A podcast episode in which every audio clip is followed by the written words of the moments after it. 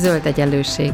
Bolyongás a gazdaság és a fenntarthatóság összefüggései között, az ökológiai közgazdaságtan gondolatai mentén.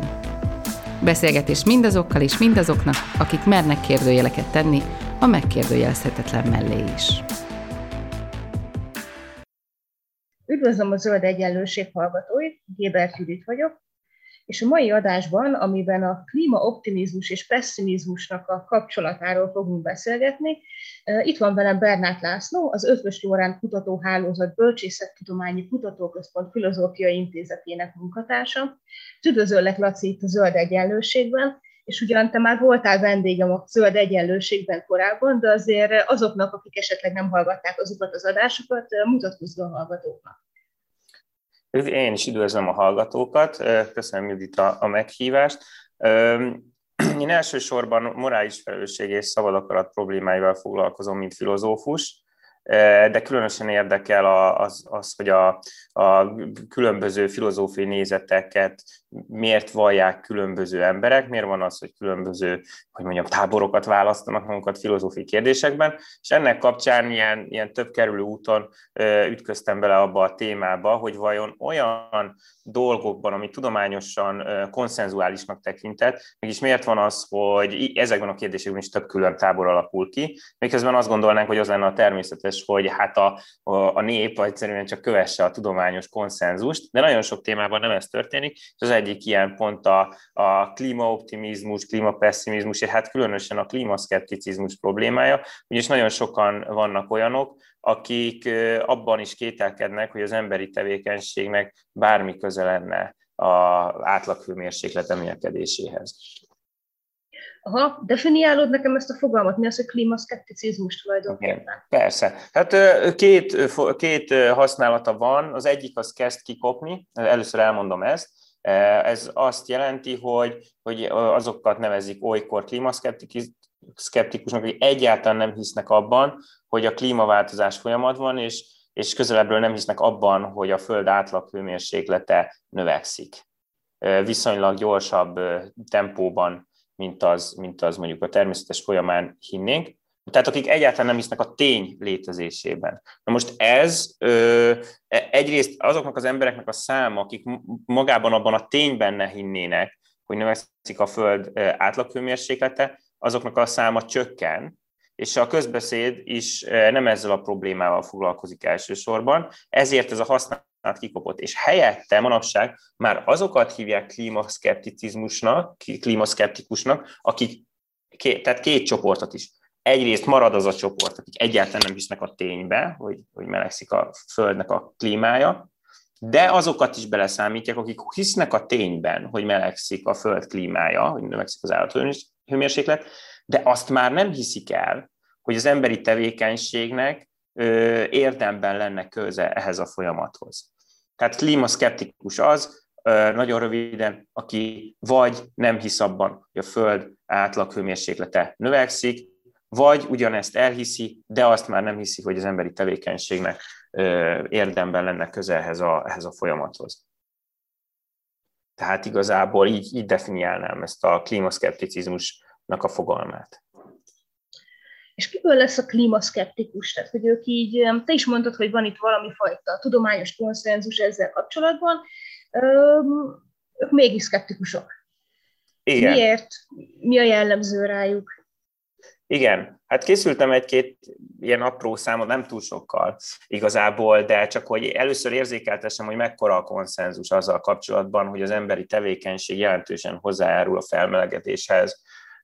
Cook és szerzőtársai 2013-ban 11.944-es tudományos tanulmány absztraktját vizsgálta meg, és azt találta, hogy azok közül, akik véleményt nyilvánítottak az emberközpontú klímaváltozással kapcsolatban, 97,1% egyetértett azzal, hogy az emberi tevékenység érdemben hozzájárul a klímaváltozáshoz. Ez nagyon masszív. Ez még, ez még fizikában is jó lenne. Tehát ez egy, ez egy elég erős konszenzus. Na most ö, ö, ö, viszont És itt elsősorban az Egyesült Államokat szokás vizsgálni, hát ugye a tudományban is van egy kis Egyesült Államok központúság, onnan lehet legjobban adatokat látni, ezért, ezért az Egyesült Államokra vonatkozó adatot fog említeni, hogy jó lehet az Egyesült Államok felnőtt lakosságának csupán 27%-a tudja, de ez 2013-as adat, szóval ma már ez kicsit más lenne, de innen volt precízebb adatom, hogy létezik tudományos konszenzus a témában, csupán 65%-a ért egyet a konszenzussal. Szóval ez egy 30%-os differencia a tudósok. És, és egyébként ez a tendencia, hát nehéz megmondani, hogy pont most hogy állunk. Én, én amit cikkeket találtam, egyszerűen, egyszerűen nem láttam hivatkozás a módszerre, hogy, hogy mérték ez, stb. És azért nekem nem, nem volt olyan megbízható. Olyan igazán megbízható, ez lehet, hogy az én fogyatésbőségem adatot nem találtam, de azt lehet tudni, hogy, hogy hogy különböző népességcsoportokra lebontva ez az adat azért jobb is lehet, különösen a fiatalok úgy általában közelebb vannak ahhoz az arányhoz, amit a tudósoknál láthattunk, de majd erről később fogunk beszélni, hogy hogy, hogy oszlanak meg. És hát, hát mik lehetnek az okok? Szóval ez egy jó kérdés. Szóval mm, tehát a közvetett okok azok, azok igen szerteágazóak lehetnek, de a köz, Hát a közvetlen okok között általában valami társadalmi, valami társadalmi szituációt sejtenek. Most nyilván itt a média szerepe az kiugróan fontos, mert azt lehet látni, hogy, hogy a különböző típusú médiumokban eltér az aránya annak, hogy, hogy, hogy mennyire közvetítik ezt az információt úgymond hitelesen és azt találták úgy általában, és ez már a 2019-es, tehát mostani adat, hogy a klímaszkeptikusok aránytalanul nagy jelenléttel rendelkeznek a médiában. Tehát a média a klímaszkepticizmust földnagyítja. Ez nem egyedi eset, azt látjuk, hogy különösen a szociális média megjelenése óta, hogy általában véve igaz az, hogy a provokatív és kisebbségi vélemények, bármik is legyenek ezek, felnagyítódnak. Mert ugye ezeket ezek, ezeknek nagy a vita értéke, és minden, ahol nagyobb vitát lehet generálni, az, az, az szereti a közösségi méni, az jobban osztódik, jobban megjelenik, tehát ez mindenre igaz, de így aztán a klímaszkepticizmus, ami igaz, hogy egyrészt kisebbségi vélemény, másrészt provokatív, és ezért ez, ezt láthatjuk. Ugye itt, itt lehetnek politikai okok is a felnagyításnak az Egyesült Államokban, hiszen azt lehet tudni, hogy a republikánus párt egy olyan pozíciót foglal, e, e, jó, hát homályos a pontos pozíciójuk, mert ugye a republikánus párt valójában egy hatalmas konglomerátum, ami különböző érdekcsoportokat és politikai nézeteket tömörít így valamiféle egységbe, ugyanúgy, mint a demokratáknál is ez így van, tehát ezek ilyen hatalmas nagy gyűjtőpártok, de azért azt lehet tudni, hogy a republikánus oknak a különösen a jobb szélső szárnya ugye nagyon erősen beleállt abba, hogy hát valamiféle klímaszkepticizmust, vagy egy ahhoz közeli álláspontot közvetít. Ugye ez sem mindig világos egészen, hogy csak azt gondolják, hogy nincs, tehát hogy ők azt is gondolják, hogy az emberi tevékenység nincs köze hozzá, vagy csak azt gondolják, hogy hát ugyan van, de a megoldás az, az valami olyasmi, amit ennek nem kell figyelembe vennünk, vagy nem, nem, nem ez itt a lényeg. Szóval ez, ez náluk sokszor homályos. Ez biztos, hogy vannak beszélőfejek, akik egyértelmű klímaszkepticizmust támogatnak. És hát ez is persze hozzájönhet ahhoz, hogy a klímaszkepticizmus álláspontja az viszonylag nagyobb teret nyert ahhoz képest, mint amit a tudományos konszenzus alapján várnánk.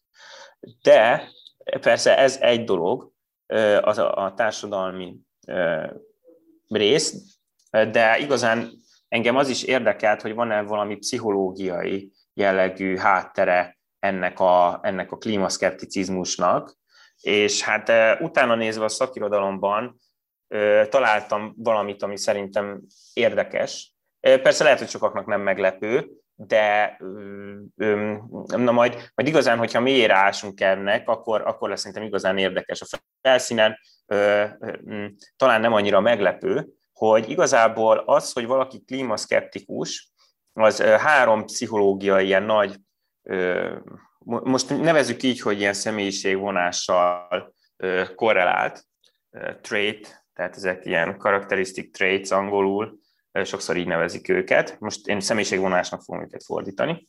Tehát ez, ez három ilyen, ilyen viszonylag jól mérhető eredményt kaptunk, kaptak a szakértők. Az egyiket úgy nevezik, de ez kicsit félrevezető, hogyha valaki magas pontszámot ért el a dogmatikus, dogmatikus gondolkodásban, akkor valószínű volt, hogy klímaszkeptikus lesz, de az dogmatikus hát nem azt jelenti, amit hétköznapilag értenék alatta. Az olyan, olyan embereket jelöl, akik gyorsan, tehát találkoznak egy szituációval, vagy egy információval, nagyon gyors bizonyosságérzet alakul ki bennük, hogy az adott mondjuk állítás hamis-e vagy sem, vagy hogy az adott szituációban mit kell csinálni. Tehát inkább nem, hát dogmatikus ennyiben igen, mert azoknak az embereknek ez így van, nagyon gyors a véleménykialakítás, és ugye mivel ez egy ilyen nagyon erős bizonyosságérzettel jár, tehát viszonylag nyilván, bár ezt nem írták a tanulmányok, de nyilván nehezebb felülírni. És szerintem minden kaphatta a nevét. De a dogmatizmusnak nem ez a lényege, hogy valamiféle dogmákat követ, hanem annak, hogy hát ilyen pszichológia, hogy gyorsan ad, gyorsan döntést az abban, hogy a szituációban mi az igaz, vagy mi a helyes. A másik ilyen személyiségvonás az az autoritatív személyiségvonás. Hát ez is szerintem megnevezés kicsit félrevezető, ezért elmondom, hogy mit jelent. Tehát ezek az emberek általában az egyszerűséget preferálják az összetesség, különbözőség kárára és ez két szinten is, egyrészt csoport szinten is, tehát ha van egy csoportszituáció vagy valami, akkor szeretik, ha minden ember beáll a sorba egyrészt. De kognitív szinten is, tehát ha találkoznak egy, egy komplex problémával, akkor szeretik gyorsan kiválasztani azt, ami lényegesnek tűnik számukra, vagy ilyesmi, és a többi hát a többi aspektust szeretik úgymond elhanyagolni, gondolom a hatékony probléma megoldás értekében nyilván. Tehát egy ilyen, ilyen személyiségvonás. És a harmadik, amit hát én nem, amit kétféleképpen lehet érteni, de egy személyiségvonásként értsük, és ez tradicionalizmusnak hívják, vagy sokszor konzervatív tradicionalizmus. Ez e, első körben nem vallásosságot vagy ilyesmit jelent, mert ez egy pszichológiai terminus most itt. Itt amit jelent az az, hogy bármi is volt a te hagyományod, amit kaptál a családodtól, vagy a kultúra. Teljesen mindegy, lehet egy szekuláris hagyomány együttes, lehet bármi lehet ez, olyan a személyiség típusod, hogy, hogy azt támogatod, hogy, hogy, azt, hogy, hogy ahhoz szívesen ragaszkodsz, érzelmileg könnyen kötődsz ezekhez a kapott normákhoz. És ez a három, különösen ha együtt volt egy embernél, tehát mind a három a magas pontszámot ért el, akkor kimutathatóan korrelált valamelyest.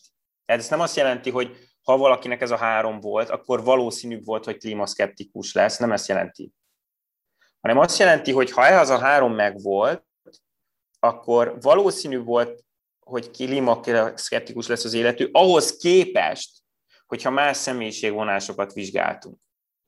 Jó? Tehát ez csak annyit jelent, hogy, hogy valamivel hajlamosabb.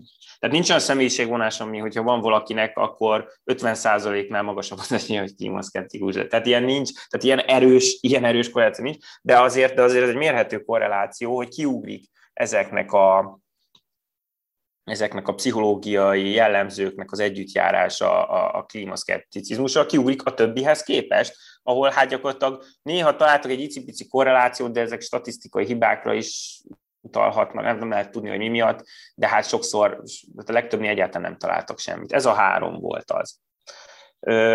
Most miért fontos az, hogy lássuk, hogy nem csak szociológiai, hanem, hanem pszichológiai tényezők is vannak. Azért, mert hogyha egy ilyen hitelfogadás hátterében vannak pszichológiai mm, tényezők is, akkor nagyobb eséllyel számolhatunk azzal, hogy fellép az úgynevezett bumeránk hatás.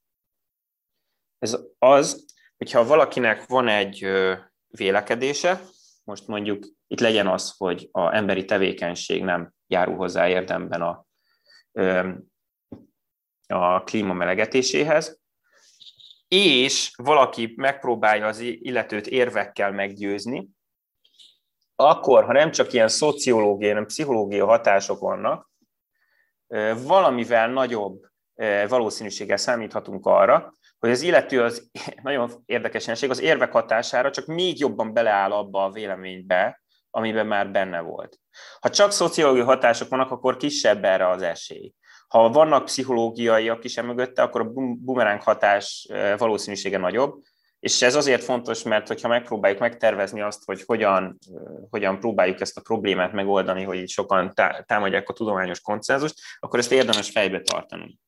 Tehát soka, az, hogy, az, hogy pszichológiai mechanizmusok vannak emögött, vagy pszichológiai értelembe vett jellemvonások, az arra utal, hogy ez sokaknál az klímaszkepticizmusba vetett, vagy hát a klímaszkepticizmus elfogadása, az egy mély, ez egy, egy mély hitet, egy mély vélekedést eredményez könnyebben. Olyat, azok a vélekedések, amit csak így átveszünk a társadalomtól, azok nem mindig ásódnak be túl mélyre, és az érvek hatására viszont könnyebb feladjuk őket. Tehát mondjuk, ha valaki azt hiszi, hogy Ausztrália nagyon, mint Oroszország, vagy most nem biztos, hogy jót mondtam, közbeszámított. Legyen az, hogy valaki azt hiszi, hogy Ausztrália nagyon, mint Dél-Amerika. Ugye érvekkel jövünk, ezek nincs milyen beásodva. Lehet, hogy szociológiai eredet, lehet, hogy sokan ezt mondták körülötte valamiért, és teljesen mindegy. Ha, ha nincs mögötte ilyen mélyebb azonosulás ezzel a vélekedéssel, nincsen mélyebb pszichológiai háttere, akkor valószínűleg viszonylag könnyen megválik tőle. Tehát ezt, ezért fontos látni, hogy itt vannak pszichológiai alapok is. De szóljál, hogyha már túl sokat beszéltem, egy húzam van, de itt még, még rátérek szívesen arra, ha nem bánod, hogy én szerintem, mert innen jön a kicsit már ilyen spekuláció felé, hogy mi, mi lehet ennek a hátterébe. Én, én először arra gondoltam, hogy a hát Egyesült Államok, és látjuk ezeket a pszichológiai karakterisztikumot, hogy, hogy esetleg valahogy a valláshoz ennek köze lehet. De ez egy rossz gondolat volt eleve tőlem egyébként, csak azért hangsúlyozom ki, mert, mert lehet, hogy másoknak is eszébe jutott, mert ezek, még egyszer mondom, hiába hívják így, hogy dogmatikus, autoritatív, tradicionalizmus, ezek valójában itt pszichológiai dolgokat akarnak leírni, és az, az viszont persze igaz, hogy akinek megvannak ezek a jellemvonásai, az, azok nagyobb valószínűséggel lesznek esetleg vallásosak is. Tehát van egy ilyen kapcsolat. De Szóval én az, valami olyasmit gondoltam, hogy esetleg, esetleg ezek az emberek vallásosak is lesznek, és mit tudom én, vallási hátterű tudomány ellenesség lehet az, amit a háttérben mozog. És amit találtam, az nagyon érdekes volt. Az Egyesült Államokban valóban van korreláció valamilyen vallásosság és a klímaszkepticizmus között, tehát nagyon szelektív. Ugyanis csak az evangelikál kereszténység elfogadása, tehát ez mondjuk, hogy protestáns kereszténység elfogadása korrelált igazán érdemben azzal, hogy valaki klímaszkeptikus lett. De nagyon érdekes módon a többi vallási csoport még az Egyesült Államokban sem igazán erősen korrelált ezzel.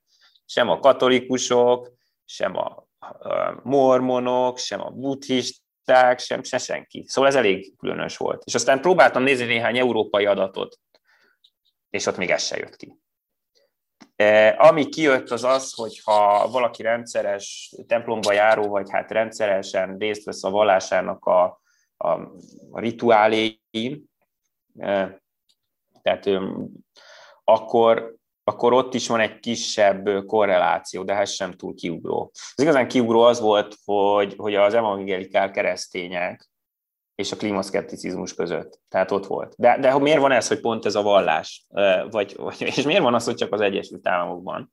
Szóval én, én szerintem itt valójában azt a kiegészítő hipotézist kell tennünk, hogy az magyarázhatja a dolgot ilyen specifikusan, hogy én szerintem ott ott van egy úgymond egy ilyen fajta politikai együttműködés mondjuk az evangélikán kereszténység és a republikánusoknak a, a jobb szárnya között, úgymond, és szerintem itt valójában egy, egy politikai ilyen szövetség az, ami, ami átjárás biztosít. Szerintem, de ez abszolút az én gondolatom, ennek semmilyen tényanyagom nincs.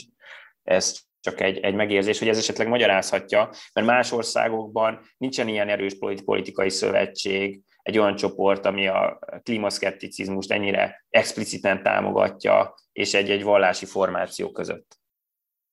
Tehát ez, ez lehet egy jó magyarázat szerintem erre, hogy miért találtak az evangelikán keresztény csoportok és a klímaszkepticizmus között egyfajta korrelációt. De megismétlem, ez nem azt jelenti, hogy aki evangelikál keresztény, az, az valószínűleg eh, klímaszkeptikus is, tehát nem 50%-nál nagyobb a valószínűsége ennek, nem így kell nézni, hanem csak, hogy nagyobb valószínűséggel, mint a többi, többi vallási csoportnál. Uh-huh. Ö, igen? Az előbb azt mondtad, hogy a klíma válsággal kapcsolatos vélekedéseink, azok ilyen mély vélekedések. Tehát, hogy nem olyanok, mint az Ausztrália nagyobb, mint Dél-Amerika típusú vélekedés, hanem annál így mélyebben, és ezért nehezebben megdönthető. Milyen típusú vélekedéseink válnak még vélekedésé? Hát igazából nagyon sok minden, de általában az, amelyek valamilyen szempontból különösen fontosak a számunkra, és itt két, két csop, alcsoportot tudnék megkülönböztetni. Az egyik az az, amilyen nagyon egyértelműen igaznak tűnik számunkra.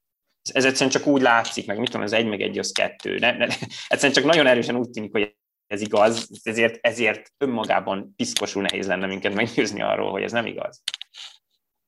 De, ö, vagy például vannak bizonyos vizuális illúziók, ahol, ahol elég nehéz meggyőzni az embereket, hogy, hogy, hogy nem úgy van, mint ahogy gondolják. Egyszerűen azért, mert nagyon erősen úgy tűnik nekik, hogy úgy van. De a másik az, az, ami valamiért nagyon fontos, egy olyan vélekedés, ami nagyon fontos a csoport hovatartozásunk szempontjából, vagy a, hát mondjuk így a személyes pszichológiai jólétünknek a szempontjából. És aztán persze vannak ilyen furcsa jelenségek, amit nehéz megfejteni, hogy úgy tűnik, hogy vannak ilyen mély hitek, amelyek részben éppen azért nagyon mélyek, mert ö, valamilyen szenvedést okoznak nekünk, de hogy ez miért van, arról keveset tudok mondani, és igazából a szakirodalom is sokkal kevésbé magabiztos abban a kérdésben, hogy ez miért van. Ö, tehát például létezik ez a twisted self-deception-nek a jelensége, ö, vagy magyarul talán ilyen, tehát ez, ez olyan önbecsapás, amikor arról, tehát olyan hitet fogadunk el igaznak, ami egyrészt amúgy nagyon valószínűtlen a bizonyítékok fényében, másrészt, ha igaz, az nagyon rossz nekünk. Szóval ez is létezik. És ez, ez egy külön kérdés, hogy ez miért van. Mindenféle magyarázatok vannak rá, de ezt félretéve úgy tisztának tűnik a kép. Tehát ez a két csoport egyrészt vagy nagyon primére módon csak simán igaznak tűnik nekünk a bizonyítékok fényébe, és tényleg nehéz más mondani, hogy egyszerűen azért tűnik úgy, hogy nehéz lenne meggyőzni az illetőt, mert az ő bizonyítékai azok annyira egy irányba mutatnak. És ugye a másik az az, hogy, a, hogy valahogy a pszichológiai jólétünknek a szolgálják, vagy úgy, hogy jól kapcsolnak minket egy csoporthoz, ami, amit szeretünk, hogy hozzátartozunk kérdezni, vagy úgy, hogy egyszerűen csak simán. És hát klímaszkepticizmusnál azt lehet gondolni, hogy a mélyebb magyarázata ennek a dolognak az az lehet, hogy a klímaszkepticizmus, ez, ez most nem lesz önmagában olyan nagyon meglepő, hogy a klímaszkepticizmus egyfajta érzelmi stabilitást biztosít. Ez nagyon egyszerűen. Egyébként is azok az emberek, akikre hajlamos ez a dogmatikus személyiségvonás, az autoritár személyiségvonás, és Harmadikként pedig ez a fajta pszichológiai értelemben tradicionalizmus, azoknak magasabb az ilyen érzelmi stabilitásuk, mint a legtöbb más személyiségvonással rendelkező embernek. Tehát úgy tűnik, hogy ezek a, ezek a pszichológiai, kognitív személyiségvonások, ezek, ezek segítenek amúgy is, mint hogyha azt a célt szolgálnák félig meddig, hogy érzelmi stabilitást nyújtsanak ugye a dogmatizmus segít abba, hogy ne nagyon rágódjunk kérdéseken, gyorsan hozzunk döntést. A autoritás abban segít, hogy, hogy egyszerűnek láthassuk a dolgokat, vagy gondolhassuk a dolgokat, szintén ugye a rágódással szembe megy ez a dolog. És hát a harmadik, a tradíció, szintén egyszerűen átvesszük a dolgokat, nem, nem azt vizsgáljuk, hogy, hogy most az jó-e vagy sem, szintén segít abban, hogy egy, egy szorongásmentesebb életet éljünk. És egyébként érdekes, ezt el is felejtettem hangsúlyozni, de most megteszem, hogy egyetlen egy személyiségvonás volt az, amivel negatívan korrelált érdemben a klímaszkepticizmus. És például ez nem az a személyiségvonás volt, hogy, vagy hát ez nem is személyiségvonás, furcsa is volt, hogy ide bekeveredett, de néha egyes tanulmányokban előjött ez, hogy ilyen ö, tudománytisztelet. Ilyen, ahol ilyen pontot lehetett tudni. És nagyon érdekes módon nem ez volt az, ami kiúróan kollerált, mert voltak olyan emberek, akik egyébként nagy tudománytisztelet pontokat mutattak, de a klímaszkepticizmusban bezzeg, bezzeg ott azért kiegyenesedett a hátuk, és azt mondták, hogy na, de azért ezt már mégsem. De ez, ez nem is butaság, hát lehet ilyen, ezt könnyű akár is gondolni hanem azok, a, azok az emberek mutattak akik a leginkább ellenállóak voltak a klímaszkepticizmussal szemben, akik magas pontokat értek el a szorongó személyiségvonásban. Tehát akik amúgy is szorongó típusúak voltak, azok kevés hajlandóságot mutat, kevesebb hajlandóságot mutattak a klímaszkepticizmusra, mint a más személyiségvonásra rendelkező emberek. Hát ez érdekes, hát és beleillik a, a magyarázatba, szóval tehát így menne a magyarázat valahogy. A szorongó emberek számára amúgy is természetes, hogy az érzelmi stabilitásuk az rogokban van, tehát, tehát non-stop abban vannak, hogy érzelmileg nem, nem olyan stabilak, fontosan kételkednek, főleg magukban, abban, hogy jó irányba mennek a dolgok, ugye, tehát van egy ilyen folyamatos, ez nem mindig jó ám, hát most nem erről van szó, hogy ez egy szuper személyiségvonás, mert egyáltalán nem, nagyon sok mindent nem csak megnehezít, de sokszor a valóságot is nehezebben lehet értékelni, amiért a személyiségvonás miatt, különösen, ha jól állnak a dolgok. De itt, itt úgy látszik, hogy a tudományos konszenzushoz közelebb visz mert egyszerűen nem, nem, nem lénynek fel azok a kognitív mechanizmusok olyan erősen, amelyek az érzelmi stabilitás értekében tompítanák ennek az információnak az élét, és hát így aztán a tényét. Hát ez az egész, ez az egész szerintem persze azt lehet mondani, hogy hát ezt eddig is gondolhattuk volna, szóval nem olyan meglepő, de én arra hívnám fel a figyelmet, hogy, hogy, hogy, hogy egyrészt az fontos, hogy, hogy tanulmányok így, így mutatják ezt a helyzetet, és az fontos látni, hogy pusztán a pszichológiai, a pszichológiai vonásokat vizsgálva megkaptuk ezt az eredményt, mert mondom még egyszer, akkor ez arra utal, hogy, hogy a klímaszkepticizmussal való azonosulás az általában az embereknél elég mély lehet. Tehát itt nem arról van szó, hogy, hogy ilyen pusztán ilyen félreinformálásból eredő vélekedések ezek, mert ha azok lennének, akkor, akkor felvilágosító kampányol ezt simán lehetne kezelni. De mivel ez nem így van, valószínűleg nem lehet kezelni egyszerű felvilágosító kampányol.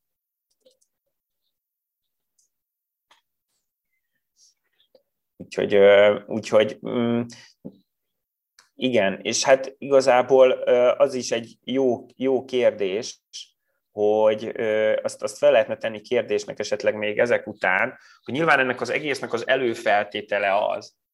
Tehát, tehát ugye ezek a személyiségvonások csak akkor indulnak be abba az irányba, csak akkor késztetik az illetőket arra, hogy abba a irányba vigyék, hogy a klímaszkepticizmust tagadják, hogyha a, azt a tényt, hogy a klíma növekszik, az illető különösen fenyegetőnek látja valahol azért. És azt a kérdést is fel lehet tenni, hogy ezt miért látjuk annyira fenyegetőnek. Persze mondhatnánk azt, hogy hát ez triviális, hát azért, mert nagyon rossz lesz mindenkinek. De szerintem ez nem feltétlenül ilyen egyszerű. Szerintem az, az is benne van, hogy tudjuk azt, hogy persze ezzel lehetne valamit csinálni esetleg, hogy de hogy nagy áldozatokkal járna, és bizonyos tekintetben járna éppen nagy áldozatokkal, és hát nevezetesen úgy tűnik, hogy első körben például materiális és kénye, úgymond kényelmi javak lemondásával járna elsősorban, vagy részben legalábbis. És akkor föl lehet tenni azt a kérdést, hogy, hogy ez miért annyira fenyegető sokaknak, hogy úgy tűnik, hogy materiális és kényelmi javakat kellene feladniuk. Mert ez azért nem triviális, szerintem mert, mert lehetne, lehetne az a pszichológia helyzet, hogy egyszer meglátjuk, hogy hopp, hát materiális és kényelmi javakról le kell mondanunk, hát de olyan a gondolkodásmódunk, hogy ez, hogy ez, ez nem szuper fenyegető, mondjuk, mondjuk ahhoz képest, hogy mit tudom én, vallásunkról kellene lemondani, vagy, vagy például arról kellene lemondanunk, hogy nagy családunk legyen, vagy bármi. Tehát, hogy, hogy fel lehet tenni azt a kérdést, hogy miért éppen ez az, ami fenyegetőnek tűnik. Szerintem ez is egy, ez is egy további kérdés. Oké, okay, akkor föl is teszem, ha már így a számba oda. Miért tűnik ez olyan fenyegetőnek? Nekem hát, van egy, van egy uh-huh. sejtésem ezzel kapcsolatban, de aztán majd elmondod, mit gondolsz. Itt nem Aha. arról van szó inkább, hogy amikor kényelmi javakról kell lemondanunk, akkor valójában mégiscsak ilyen mély meggyőződéseinkről kell lemondanunk, tehát azzal kapcsolatban, hogy kik vagyunk, meg milyen a társadalmi berendezkedés. Mm, hát én is valami ilyesmire gondolok, de azért szeretném hozzátenni, hogy azt szeretném hangsúlyozni, hogy, hogy a, a probléma megoldása nem csak ez lenne, hogy, hogy individumok lemondjanak kényelmi, illetve materiális javaikról valamilyen szinten. Önmagában nyilván nem oldaná meg a, a problémát, de amikor az egyén találkozik ezzel a problémával, nyilván ez csapódik le, hogy úristen, akkor nekem különböző dolgokat nem szabadna megvennem, meg különböző dolgokat kellene csinálnom, mint eddig nem csináltam. Jó, tehát én azt gondolom, priméren ez jut eszünkbe erről. Tehát priméren valamiféle furcsa, aszketikus életvitel rémképe jelenik meg, ami csomó kényelmetlenséggel és diszkomfortérzettel, és sokszor tényleg fontos anyagi javakról való lemondással jár. Tehát én azt gondolom, hogy, hogy amúgy azt csak szeretném hangsúlyozni, hogy az, hogy individuumok ezt megtennék, önmagában nem oldanám meg. Tehát itt van egy, egy ilyen csoport probléma is, meg a cégek, meg a politika, meg csomó minden, de én azt gondolom, hogy az emberek, amikor találkoznak ezzel, nem ez jön le nekik. Már csak azért sem, mert egyébként nagyon érdekes, hogy szerintem a, akik, akik vallják ezt a, tehát azt, hogy klímaváltozás van, nagyon sokszor ehhez az aszkézishez kapcsolják. Tehát nagyon sokszor, amikor találkozunk ezzel, hogy klímaváltozás van, szinte kapcsoltáruként, hogy akkor egy csomó mindenről le kellene mondanunk pedig ez nem olyan egyszerű, tehát például a sajó az nem klímakatasztrófa, de természeti katasztrófa, ugye a sajó folyónál történt katasztrófa elsősorban nem annyira attól függött például, hogy most individumok miről mondanak le, vagy miről nem, hanem itt cégeknek a viselkedése az, ami, ami igazán érdekes. De most ez félretéve. Tehát elsősorban szerintem ez a kép ugrik be, tehát hogy ha igaz a klímaszkepticizmus, valami, valami nagyon bosszantó aszketizmust kéne gyakorolnunk. És én azt, azt gondolom, hogy hogy, hogy ez egy, de ez, ez már abszolút spekuláció, semmiféle tudomány nincs mögötte, ez amit én gondolok erről. Tehát, de hogy én azt gondolom, hogy ezt, ezt nyomon lehet követni, hogy én, én szerintem az embereknek a, a, úgy általában az én a saját munkról szóló történetek nagyon sokszor olyan fordulatot vesznek, hogy a, a történet sikerességének a fokmérője az, hogy hogy az életükben bizonyos dolgokat meg tudtak-e valósítani, vagy sem.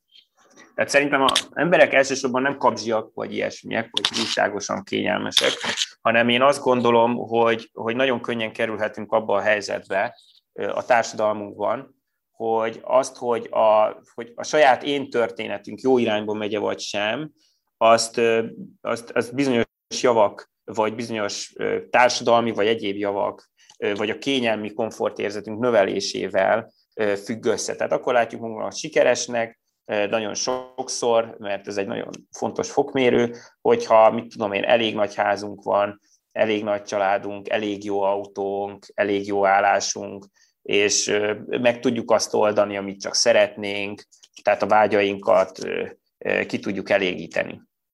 És ez egy hosszú történelmi folyamat volt tulajdonképpen, de én azt gondolom, hogy a, akár a meglévő vallási vagy egyéb narratívák mellett ez a fajta narratíva, ami az ember sikerességét, mondjuk így nagyon lebutítva, ez lebutítva azt ahhoz köti, hogy tudunk-e jól fogyasztani, vagy sem. De ez nem csak erről szól, ez ennél szerteágazóbb dolog. Inkább azt mondom, tudunk elérni bizonyos szerepeket, szerepeket be tudunk-e tölteni, bizonyos javakat meg tudunk-e szerezni, tehát ez egy komplexebb dolog de hogy, de hogy az én, a, én történetek akkor tűnnek számunkra igazán jónak, vagy nagyon sok ember számára jónak, hogyha, hogyha itt is jól teljesítünk. Tehát az emberek általában a nem klímatudatos viselkedésbe is úgy csúsznak bele, nem úgy csúsznak bele, hogy bárki pazarolni szeretne. Pazarlásba se úgy csúszunk bele, hogy bárki pazarolni szeretne, hanem mondok egy szerintem nagyon emberi példát, hogy úgy csúszik bele ember a pazarlásba, mondjuk legyen egy ilyen történet, hogy az illető nagyszülő, és akkor unoka, ugye megszületett unoka, és ki szeretné valahogy fejezni a szeretetét, meg stb. És, és egyszerűen úgy érzi, hogy, hogy valahogy a, például a gyerek számára akkor jó, hogyha a gyerekkorában nem kell ilyen nagy lemondásokkal megküzdenie, ezért elkezd ugye játékokat venni viszonylag mértéktelenül és számolatlanul. És ugye nyilván, hát hogyha ezt nem kontrolláljuk, vagy, vagy valaki nem hívja fel a figyelmet arra, hogy ez akár rossz, egyéb okokból is nem feltétlenül, olyan mennyiségű személyet halmot lehet így felhalmozni, ami teljesen indokolatlan. És ez csak egy kicsi, kicsi példa volt. És ugye itt a, mi a hajtóerő? Nem a kapzsiság, hanem éppen a szeretet. De a szeretet egy, egy olyan történetbe van ágyazva, ahol a szeretet akkor sikeres, ha javakkal tud valakit ellátni. Tehát, a történ, tehát akkor van a, ez a nagyszülői történet akkor sikeres, ha a javakkal való ellátás is sikeres. És nyilván valamilyen szinten ez igaz, mert hogyha nagyszülőként mondjuk nem tudok segíteni abban, hogy egy unoka enni kapjon egy, egy nagyon nehéz helyzetben, akkor, akkor én is azt mondom, hogy tehát ennek a történetnek vannak igaz elemei, de ha ennyire dominánsá válik. Szóval én ezt, ezt gondolom, hogy, hogy ezek a történetek, hogy mondjam, a én történetekben ennek a fajta a sikerességnek a materiális és kényelmi javakhoz kötése, az, az ami okozza szerintem a, a, a, tehát ez a válságnak szerintem a lényegi ö, pszichológiai és mondjuk ilyen spirituális magja. És ez, ez, ez szerintem, szerintem ez a legfontosabb tulajdonképpen, ö, és ennek a történelmi gyökerei, és szerintem én, én odaig is elmennék, hogy tulajdonképpen még maga a kapitalizmus is, mint olyan ehhez képest másodlagos rendű. Én el tudnék gondolni olyan kapitalizmust, ahol a rend az, az kapitalista, de, de spirituálisan az én történetekben, tehát, tehát hiába kapitalista jellegű a, a, a társadalom, mármint így szerkezetileg, nincs akkor a fogyasztás, azért, mert az én történetek nem, nem ezek köré a dolgok köré csoportosulnak, ezt nem mondom, hogy akkor az egy olyan társadalom lehetne, ami mondjuk ilyen ultrazöld, meg ilyesmi, mert valószínűleg nem, de hogy jobb lenne a helyzet, mint most, azt gondolom. De ez abszolút az én ilyen spekulációm, szóval ez nehéz így. Ne, nehéz lenne azért ezt, ezt alátámasztani adatokkal. De még egy, egy szót erről, hogy miért jutottam erre az elméletre. Azt gondolom, hogy azért, mert, mert úgy látom, hogy most azt a problémát elvéve, hogy ugye a fejlődő gazdaságok azok, amikor elkezdenek egy ilyen gazdasági bumot, mindig viszonylag nagy ö, szennyezést produkálnak, ezt vegyük el, és akkor azt nézzük meg, hogy a Egyesült Államok szerepe minden szinten ebben a, ebben a, a klímaváltozásban kiugró. Tehát az, hogy ők mennyi szennyezést adnak. És én úgy látom, hogy a Egyesült Államok az a ország, az összes kapitalista ország közül, a leges legdominánsabb az én történeteknek a, a javak termeléséhez kötése. De hát nem tudom, lehet, hogy Európában is van ez, de például szerintem olyan dominánsan nincs.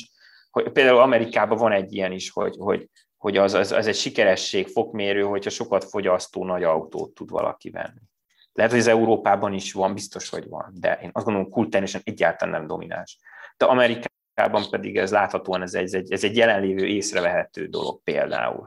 És nyilván is ez egy én történet, mert amúgy mi az értelme a sokat fogyasztó autóknak? Úgy, úgy praktikusan nem sok. Az az értelme, hogy ez egy én történetbe úgy tud beágyazódni, hogy ez egy sikeresség visszaigazoló.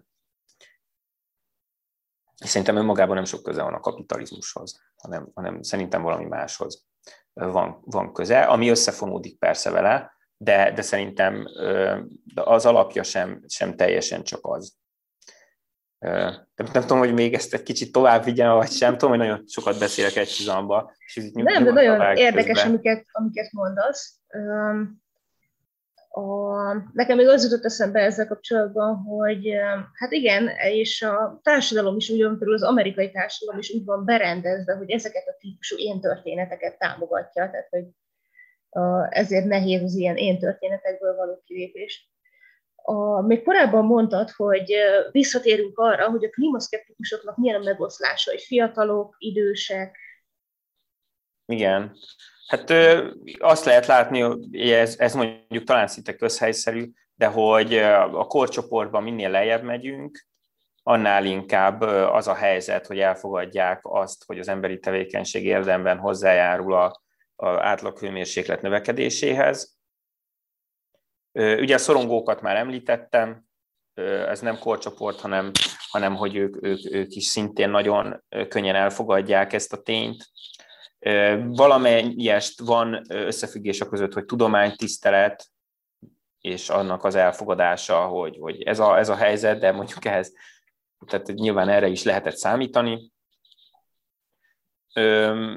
Érdekes, hogy például ez, ez a korreláció, de ezt is említettem már nem akkora, mint talán józanésszel vártuk volna. Tehát nem, érdekes, hogy a szorongók jobban teljesítenek, mint a tudománytisztelők ilyen szempontból, tehát nagyobb, a, nagyobb az összefüggés a kettő között. És hát ő igazából azt lehet látni, hogy nyilván, hogyha valaki ez a másik egy bizonyos témában tudományellenes, tehát mondjuk tegyük föl, hogy az illető a evolúciót úgy, ahogy van, tagadja. Nem arról beszél, hogy valaki azt mondja, hogy ja, ja, van evolúció, de Isten például valamiféle gondviselést, tehát nem erről beszélek, hanem arról a fajta evolúció ellenességről beszélek, ami, ami azt mondja, hogy nem, hát a Föld, mit tudom én, például 6000 éves, legyen így, és, és hát nincs olyan, hogy evolúció egyáltalán. Na, tehát az ilyes, ilyesfajta de, tudomány ellenesség a, az már az, az már valamelyes korrelál azzal, hogy az illető klímaszkeptikus is lesz, tehát ez a hardcore tudományellenesség, de ez, ez se tűnt olyan szupererősnek, de nem, nem tudom, hogy ezt mennyire egyszerű mérni, vagy ilyesmi. Szerintem eleve kevesen valanák be, vagy szóval ez egy, ez egy jó kérdés, hogy ezt, ezt mennyire, vagy egyáltalán mit nevezünk tudomány ellenességnek pontosan. Ez biztos nyilván, de talán másokat is be kéne engedni ebbe a kategóriába, és akkor talán jobban kijönne a korreláció, hogyha nem csak ilyen kevés emberen lát, nézhetnénk meg. Hát így tulajdonképpen e, ezek, ezek azok, amiket lehet látni, és még egy dolog, ami nagyon fontos, hogy a, annak a szociális hatása az, az mindenképp úgy tűnik, hogy nem elhanyagolható, hogy ki milyen úgymond ideológiai törzsbe tagozódik be. Tehát azt lehet látni, hogy a republikánusok választók egyre kevésbé hisznek abba, hogy a, tehát egyfajta csök, a csökkenést lehet látni, tehát hogy egyre kevésbé hisznek abban, hogy az emberi tevékenység érdemben hozzájárul. Tehát náluk hát rendszerű csökkenés figyelhető meg a republikánus szavazóbázison belül. Most kérdés, erről fogalmas nincs, hogy az történt-e, hogy mindenki, aki klímaszkeptikus volt, egyszerűen átrohant a republikánusokhoz, ha előtte még demokrata is volt, vagy inkább arról van szó, hogy mivel ott van egy szárny, aki, aki explicite klímaszkeptikus húrokat penget, ez, ez hat a, a szavazóbázisra, ezt én nem tudom. Mindkét magyarázat lehet, meg ennek a keveréke is, szóval, de nyilván az a, az a helyzet, hogy minden ember így működik, hogy a hiteink nagy részét aznak nem, valójában nem bizonyíték alapú, hanem szociális alapú alátámasztása van, tehát azért hiszik, mert mások hiszik, a releváns csoportok hiszik, mert, mert megvesznénk, tehát nyilván ahhoz, hogy, hogy, hogy egészséges individumként tudjunk funkcionálni egy társadalomban, erre, erre a mechanizmusra szükség van, és ugye hát ha látjuk, hogy politikai, velünk politikailag egyetértő emberek XY dolgot vallják, akkor hajlamosabbak leszünk mi is ezt az XY dolgot elhinni és ez egy nagyon, nagyon erős hatásnak és mérhető hatásnak tűnik, amiatt, hogy látszik, hogy republikánus párton belül csökken ezeknek az aránya, míg a demokrata párt szavazói bázisen belül pedig növekszik. És ez egy probléma, hogy ez egyrészt természetes, de probléma is, hogy a, hogy a klímaváltozás vagy klímaválság betagozódott a, a, a, a politikai mozaikba. Tehát ez egy, egy elem a sok közül, és sokszor nehéz megérteni a, a összefüggést bizonyos témák között, valószínűleg azért, mert nincs is, hanem valójában történetileg esetleges dolgok vannak, amik összekapcsolnak itt különböző nézeteket egymással, és hát a vége az az, hogy, hogy tulajdonképpen nagyban meghatározó azért az is, hogy valaki klímaszkeptikus lesz-e vagy nem, hogy egyébként más kérdésekben mit gondol. És nem azért, mert a logikai összefüggések miatt, hanem azért, mert a, amit az adott politikai vita struktúra sugal számára. És e, ez az, ami ellen könnyebben lehetne küzdeni. Tehát, ha csak ennyi lenne a dolog mélyén, akkor, akkor valószínűleg, ha rávernék a republikánus pártot, hogy csinálj egy kis korrekciót, vagy valamit, akkor az Egyesült Államokban ez, de, de nem csak, valószínűleg ennél mélyebb mélyebb a dolog, éppen ezért mondtam ezt, hogy, hogy nem elég, nem, ez, ez önmagában nem, nem hozna feltétlen sikert. Egyszerűen sok szavazó most már, én azt gondolom, hogyha a republikánus párt mondjuk nagyon éles fordulatot lenne, egyszerűen ott hagyná. Sokak számára az annyira fontos, hogy, hogy ne, úgymond, ne együk meg ezt a, ezt, ezt a hiedelmet, hogy, hogy ne vegyük be ezt a ugye sokak számára ez egy nagy ördöki manipuláció része, hogy a tudósok ezt mondják. Szóval ez, ez mondom, nagyon mélyre be tud ásódni. És ők akár egyszerűen csak ott hagynák a republikánus pártot, hogyha, hogyha éles fordulatot venne, szerintem. Tehát ez sokaknál identitás, olyan mélyre básodik, hogy identitás alkotó kérdésé alakul. Hmm. És ugye, ha valami, valami bekerül a politikai, bedobjuk ebbe a politikai ilyen tengerbe, ahol vitatkozunk dolgokról, bármi bekerül ebbe, az hajlamos erre, hogy ilyenné váljon. És akkor nagyon, nagyon ritkán és nehezen változnak meg a vélemények. Úgyhogy, úgyhogy hát ez elég nagy baj, összességében azt gondolom, hogy ebből az következik, hogy, hogy a politika sem igazán képes, még ha akarna sem nagyon éles fordulatokat csinálni. Szerintem ebből az következik, mert ugye, ha emberek viszonylag jelentős tömegeinél ez egy erős vélekedés, akkor ugye egy demokratikus politikára azért a választóknak a hangulata, vagy az, hogy mit gondolnak valamelyest hat, és ebből szerintem az következik, hogy az igazán tehát azok, azok a politikai formációk, akik, akiknek van mit veszteniük, tehát nem tehát szavazóik vannak, akikre vigyázniuk kell, stb. Nem, nem igazán tud feltétlenül nagyon éles fordulatokat megcsinálni. Anélkül, hogy jelentős népszerűségvesztéssel kellene számolnia. Mondjuk az a jó a pártküzdelemben, hogy jó esetben ki, ki, kiegyensúlyozzák a pártok egymást, tehát az egyik beszipkázza magának az összes olyat, aki szerint van az emberi tevékenység hozzájárul a klímaváltozáshoz, a másiknál persze nem csak azok vannak, akik ennek az ellenkezőjét gondolják, de mondjuk ott van nagyobb tömegben ez, akkor az ő politikai küzdelmük végül is oda vezet, hogy hát nem a szuperradikális ilyen változtatások nyernek, hanem, hanem valamiféle mérsékeltebbek, szóval ez akár jól is kivet, mert sokszor a radikális változások meg egyébként több rosszat hoznának, mint jót, ez is előfordulhat. Tehát, tehát én nem azt akarom mondani, hogy demokratikus berendezkedés helyett akkor kéne ilyen ökoterror vagy valami, mert nem, erre, nem ezt akartam sugalni, csak azt akartam sugalni, hogy kicsit sajnáljuk a politikusokat is. Egy, egyáltalán nem egyszerű itt, itt olyan, olyan változtatásokat elérni, amivel legtöbben elégedettek lennének. Hát igen. Nekem még egy utolsó kérdésem van, de hogyha ennek erre a válasz nagyon messzire vezet, akkor nyugodtan mondd azt, hogy jó, messzire jó. vezet a válasz. A, tegyük föl, laikus vagyok a klímaváltozással kapcsolatban, de szeretnék pszichológiai torzításoktól mentesen, politikai befolyásoltságtól mentesen állást foglalni a klímaoptimizmus vagy pessimizmus jegyében, akkor így mit tegyek? Vagy hát, melyiket képviseljen uh-huh. inkább?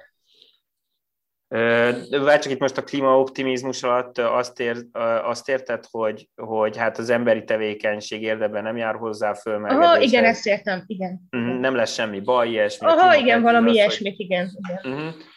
Hát szerintem először is azt érdemes csinálni, hogy mindenfélét el kell olvasni, tehát, tehát ö, ö, egyszerűen több, több helyen kell pásztázni a dolgokat, tehát meg kell hallgatni mondjuk a nagyon extrémen klímaszkeptikusokat, közepesen klímaszkeptikusokat. Szerintem végig kell menni a spektrumon, bár tudatában annak, hogy mekkora a számarányok mögötte, de jó tudni ezt a adatot, hogy, a, hogy például a, a tudósok egyetértenek abban, hogy az emberi tevékenység érdemben hozzájárul a fölmelegedéshez.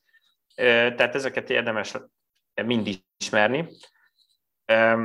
Hát aztán igazából itt az a nehéz, hogy igazából információkkal akkor tudunk jól bánni, ha már gyakorlatot tettünk abba, hogy az információkat hogyan érdemes súlyozni. Tehát szerintem azt érdemes átlátni, hogy ebben az esetben speciál a, a tudományos konszenzusnak szerintem nagyon nagy a jelentősége.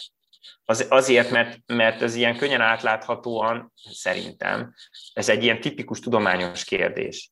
Tehát ez egy ilyen, a, priméren csak egy, egy kauzalitás viszonyt vizsgál. Az emberi tevékenység nagy mértékben okozója-e a klímaválságnak. Ebben nincsen semmilyen nagyon, nagyon spirituális, nagyon természetfeletti, nagyon nehéz. Ez egy olyan klasszikus oksági viszony, amire egyébként általában rábízzuk a tudósokat, hogy derítsék ki ha, ha valaki egyetért ebben, hogy ilyen típusú kauzális viszonyok megállapításában a tudomány a legjobb, más témákban egyet, egy, ebben egyetért, akkor szerintem nagyon nehéz ebben a témában a tudományos konzenzussal szembe menni, mert hiszen így nagyon látványosan ez egy ez egy, ez egy természetes folyamat, aminek nincs, nincs igazán olyan oldala, amit kételyeket vethetne föl, szerintem.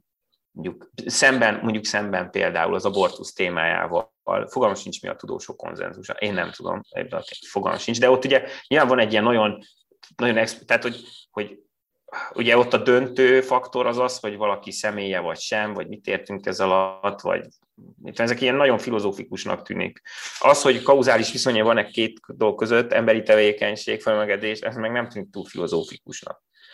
És oké, okay, tehát megvan ez a tény, hogy esetleg van össze, tehát ezt az összefüggést szerintem ezért érdemes elhinni a tudósoknak. Tehát érdemes azt valahogy tisztán látni, hogy miben, mire, mi, mi az, amire úgy általában rászoktunk, mi az, amit általában rászoktunk bízni a tudósokra, és szerintem erre az a válasz, hogy pont az ilyen kauzális viszonyok feltárása az, amit, amit rájuk szoktunk bízni, és ha ez így van, akkor szerintem nagyon nehezen megkerülhet az a dolog, hogy hát ha más területeken bízok bennük, akkor itt is bízni kellene bennük. Mm, ez egy nagyon nehéz téma. Annyiban vezet messzire, hogy nyilván azok, akik elfogadják a klímaszkepticizmust, el, fognak, el szoktak fogadni egy plusz történetet, ami magyarázza azt, hogy a tudósok miért, miért ennyire egy oldalra hajlanak.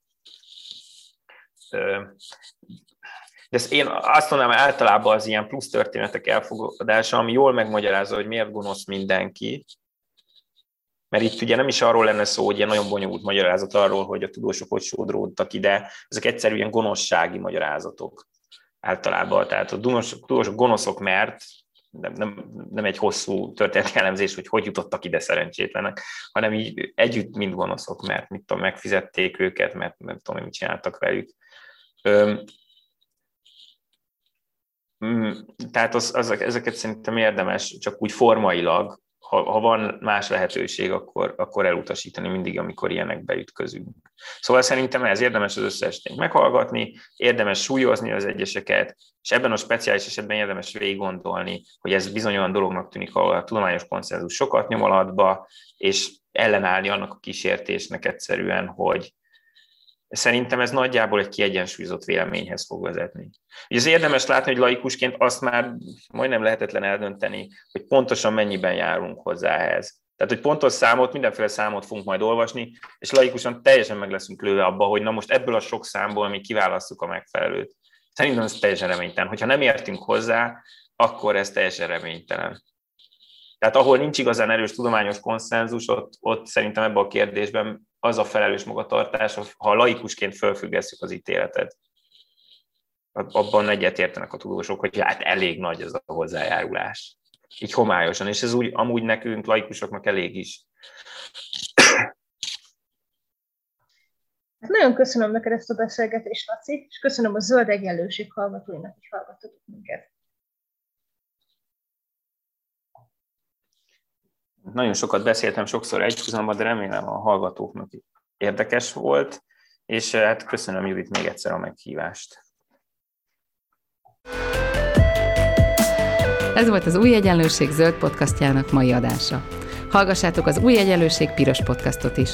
Nézzétek a stúdióbeszélgetéseket a YouTube csatornákon, és olvassátok a www.újegyenlőség.hu-t. Vitatkozzatok velünk a Facebook oldalunkon. Jövő héten újra találkozunk.